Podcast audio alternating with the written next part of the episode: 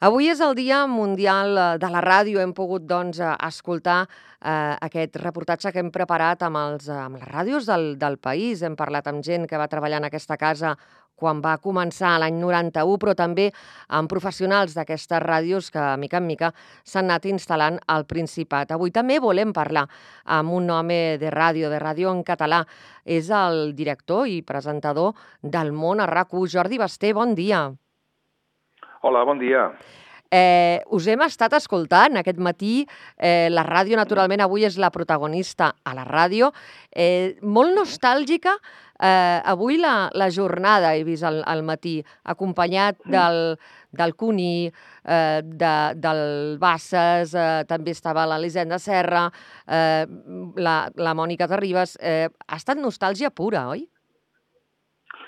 Sí, bueno, perquè és la ràdio que, en el fons, la ràdio no deixa de ser nostàlgia, és un exercici de nostàlgia. Avui nosaltres hem dedicat a fer un homenatge a la ràdio i, clar, la paraula homenatge ens porta la nostàlgia, no? I el, la idea era buscar els grans noms que ens han acompanyat durant molts anys als matins, evidentment el Cuní, que és qui porta el lideratge de despertadors de Catalunya, després i d'Andorra, després sí. l'Antoni Bassas, després la Mònica Terribas, la Glòria Serra, és a dir, en definitiva, gent que ha estat molts anys fent els, fent els matins, i esclar, ja havies de fer la mirada enrere, i per tant, efectivament, ha estat un gran, un gran exercici de nostàlgia, no? perquè en aquestes èpoques que estem, que estem en, un, en un segle que és de les emocions, recordar amb emoció el nostre passat radiofònic sempre és, sempre és bo i, i assenyalar qui són o qui han estat els nostres grans mestres. Uh, jo m'imagino que, que el Jordi Basté, des de, des de la infància gairebé, uh, tenia mm. clar que es volia dedicar a la ràdio? Eh, no, no, no, no, no, no. Jo vaig tenir una gran sort que és que m'ho van posar molt fàcil. Jo als, de, jo als 10 anys vaig, amb, amb, amb, per circumstàncies de la vida, perquè ni el meu pare, ni, ni, ni la meva mare, ni cap avi s'ha dedicat a això, i senzillament un dia, per circumstàncies de la vida, de que el meu pare coneixia un presentador històric de la ràdio de Barcelona, em va dir que, que bueno, em va dir, tu, nen, vindries a, a fer un programa de ràdio a explicar contes? que se't veu espavilat, jo vaig dir que sí, i esclar, després ja sí que ho vaig tenir molt fàcil perquè, esclar, és que amb 10 anys ja estava enmig dels micròfons, amb la qual cosa això va significar que, que, que vaig tenir fàcil l'elecció del que volia ser quan fos gran de, del que heu estat eh, avui recordant amb, amb aquests grans professionals de, de la ràdio en català, eh, amb, amb què et quedaries? Què és el que més t'ha colpit? Bueno, recordar que tots hem estat joves, que tothom hem estat eh, escoltant la ràdio els, eh, que tothom hem escoltat ràdio i que la ràdio va, sortosament va canviant, va mutant, que, ens, que nosaltres no som els que manem, perquè els que manen són els oients que ens fan canviar el ritme, que ens fan canviar la mirada de les coses, i, i això està molt bé, és a dir, abans es feia una ràdio segurament menys competitiva, però a la vegada es feia una ràdio molt més pausada, que, que ara la gent en general, en general ja no et reclama, et reclama una, un, perquè més les, uh, la xarxa ens ha portat amb una rapidesa de la informació que abans no existia, amb la qual cosa clar, recordar aquells tempos, aquella manera de fer ràdio, era recordar una manera de fer ràdio que ara ja queda oblidada i que difícilment, crec jo, s'adaptaria als models actuals de els quals tots fem ràdio, sigui des d'aquí dalt, des d'aquí baix o des de més enllà. Um, a vegades, uh, i, i cada vegada, doncs, uh, sempre, sempre passa quan arriba el Dia Mundial Internacional de la, de la Ràdio, es parla una mica de, del seu futur, alguns diuen que la ràdio morirà. Um, què en pensa en Jordi, en Jordi Basté? Com, com veus que hagi evolucionat? I, I et demano que treguis la bola de vidre i em facis una mica de, de futurible. Mm. No, és molt, és molt fàcil, eh? Jo crec, jo crec que per molts anys continuarà la ràdio com un element prioritari per molta gent, per molts motius. És a dir, ara dius que la gent jove no escolta la ràdio. Bueno, no sé quin tipus de ràdio no escolta la gent jove, però és evident també que hi ha un tipus de ràdio que la gent acabarà escoltant. Per exemple, Eh, jo me'n recordo, jo perquè era molt malalt, però tot el meu entorn que escoltava la ràdio escoltava quatre programes quan tenien 18 anys. Escoltaven el Com Espuma, que era un programa de divertimento que feien els, uh, feien el Guillermo Fesser i el Juan Iscano, que el feien a 3 Ràdio.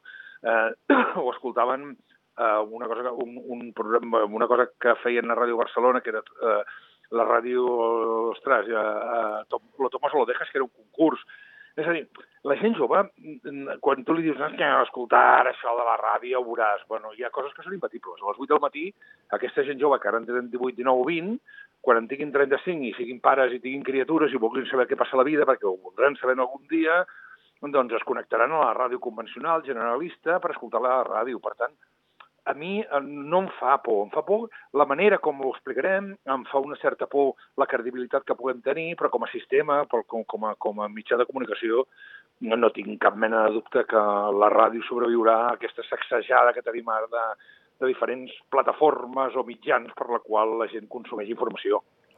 Um, grans noms com, per exemple, eh, Lluís Elolmo, uh, l'Herrera... Um, algunes persones creuen que, que la gent escolta eh, no a l'emissora, sinó a la persona. Tu estaries d'acord amb aquesta observació? Que la gent és seguidora de, de, de l'individu, sí, sí, no? Sí, bueno, no, la, la, gent, la, gent, la gent és emissora. O sigui, per exemple, la gent escolta la ràdio i a nosaltres, la ràdio vull dir el mitjà.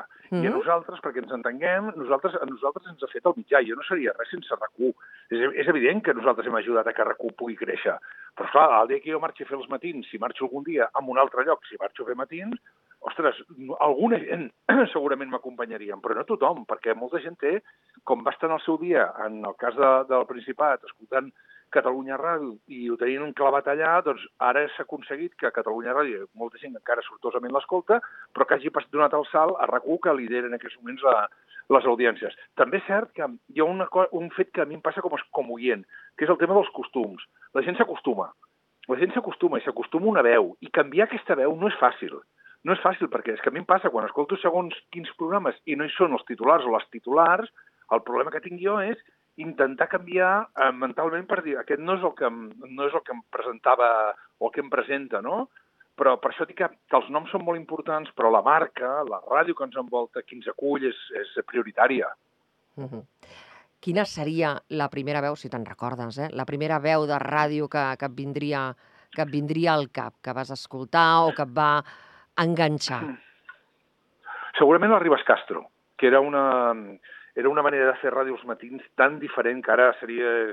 Estava entre, bàsicament era la ràdio musical, el surrealisme, era, era bestial, era un, una persona que més era com era molt, molt, com molt vagabunda, com molt, com molt mm, poeta, era poeta més, eh, era un personatge fantàstic que regalava textos a la gent que tocava, textos, textos regalava i que anava dient que soy Don Pollo. I, jo, I aquesta era la veu que escoltava a la ràdio casa meva la meva mare.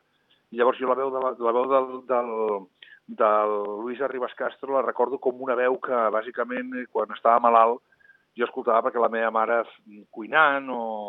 La meva mare era, era d'allò que el DNI posava en aquelles èpoques sortosament superades en professions sus labores, la meva mare, mentre jo es trobava, em trobava malament, doncs ella anava amb el transistor amunt i avall escoltant a Luis Arribas Castro a Ràdio Barcelona. I qui podríem considerar, i això, amb això ja vaig acabant, eh?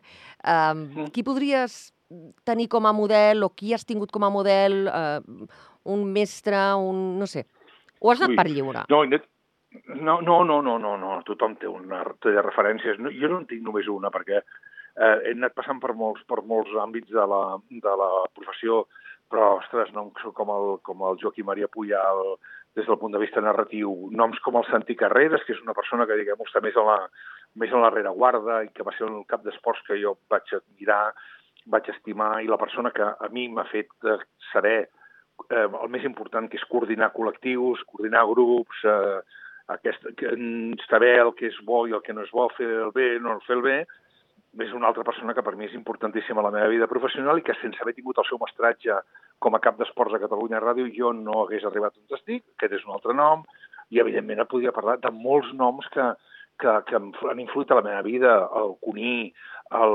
el, tant el Josep com el Carles, el, el, el propi Antoni Bassas, eh, escoltar el Paco González a la COPE fent els partits de futbol, aquest ritme que té eh, embogit, ostres, te'n podria dir molts més, no? És a dir, el que la Júlia ha fet moltes vegades, la Júlia Otero, a les tardes i saber agafar els tempos també. O sigui, són un grup de gent que, que o la Nierga, són, són un grup de gent que, que a mi els formen part del que seria l'engranatge meu radiofònic per poder arribar on estic. Déu-n'hi-do. Jordi Bastet, T'agraïm que ens hagis acompanyat en aquest eh, bocinet d'informatiu avui el Dia Mundial de la, de la Ràdio. Eh, res més, una abraçada i que esperem que algun dia doncs, poder-te poder tenir eh, sentat en, en els nostres estudis. Oh, tant de bo, faria molta il·lusió. Moltes gràcies a tots i que tingueu un bon dia de la ràdio. Visca la ràdio i sempre la ràdio. I tant que sí. Bona tarda. Bona tarda.